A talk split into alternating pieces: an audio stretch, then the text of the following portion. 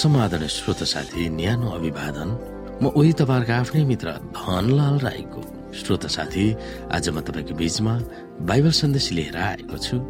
आजको बाइबल सन्देशको शीर्षक रहेको छ सावत र अनन्त विश्राम।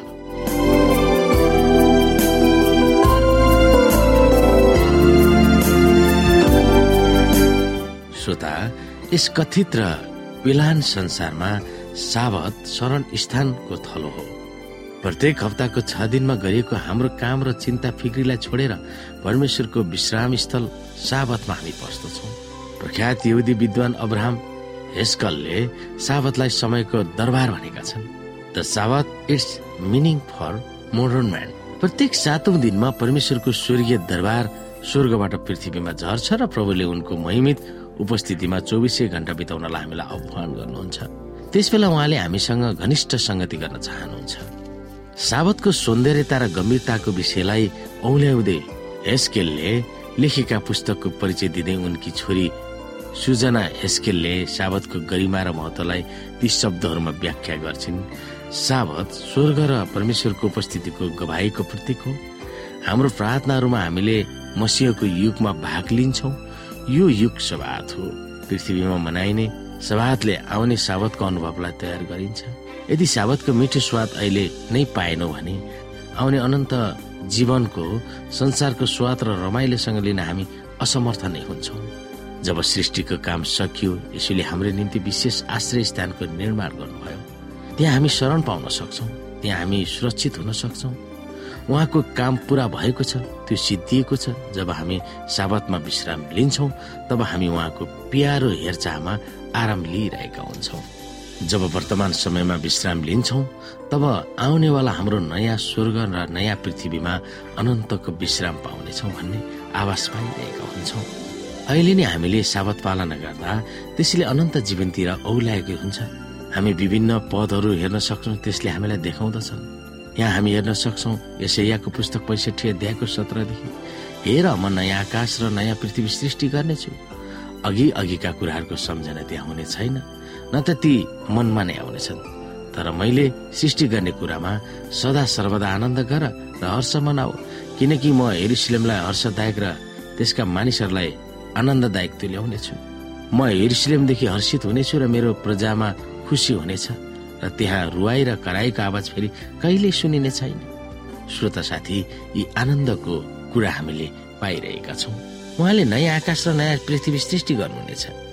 र हामीलाई संसारमा हाम्रा हृदयहरू कतिचोटि चुडिए होलान् कतिचोटि हाम्रो मनहरू भाँचिए होलान् कति कुरामा हामीले सुख गर्यौँ होला हामीबाट आफन्तहरू हाम्रा प्रियजनहरूलाई गुमायौँ होला।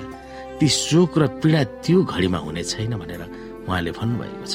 यहाँ यसै छैसठी अध्यायको बाइस र तेइसमा पनि भन्दछ जसरी नयाँ आकाश र नयाँ पृथ्वी जो म बनाउने छु ती मेरै सामुन्ने रहिरहनेछन्।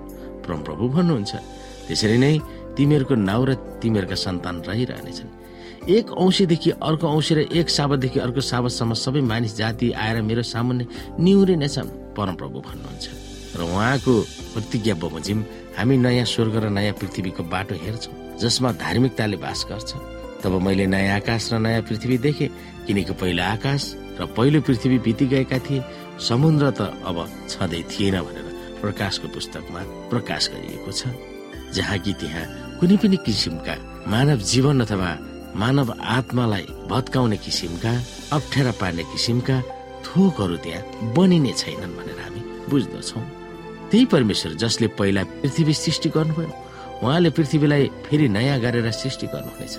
परमेश्वर सृष्टिकर्ता हुनुहुन्छ भनेर देखाउन साबत अनन्तसम्म चिन्हको रूपमा भइरहन्छ।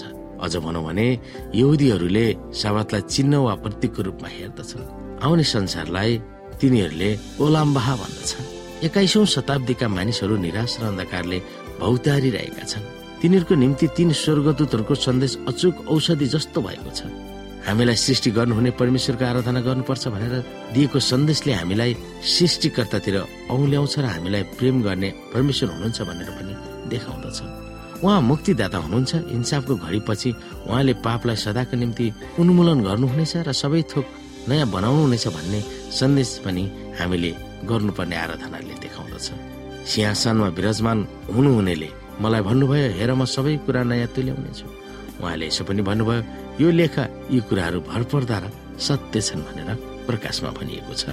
अन्त्यमा श्रोता के तपाईँले व्यक्तिगत रूपमा तपाईँको जीवन र परिवारको जीवनमा साबतलाई अनन्तको स्वाद बनाउन चाहनुहुन्छ अथवा बनाउनु भएको छ त्यो विषयमा तपाईँ सोच्न सक्नुहुन्छ।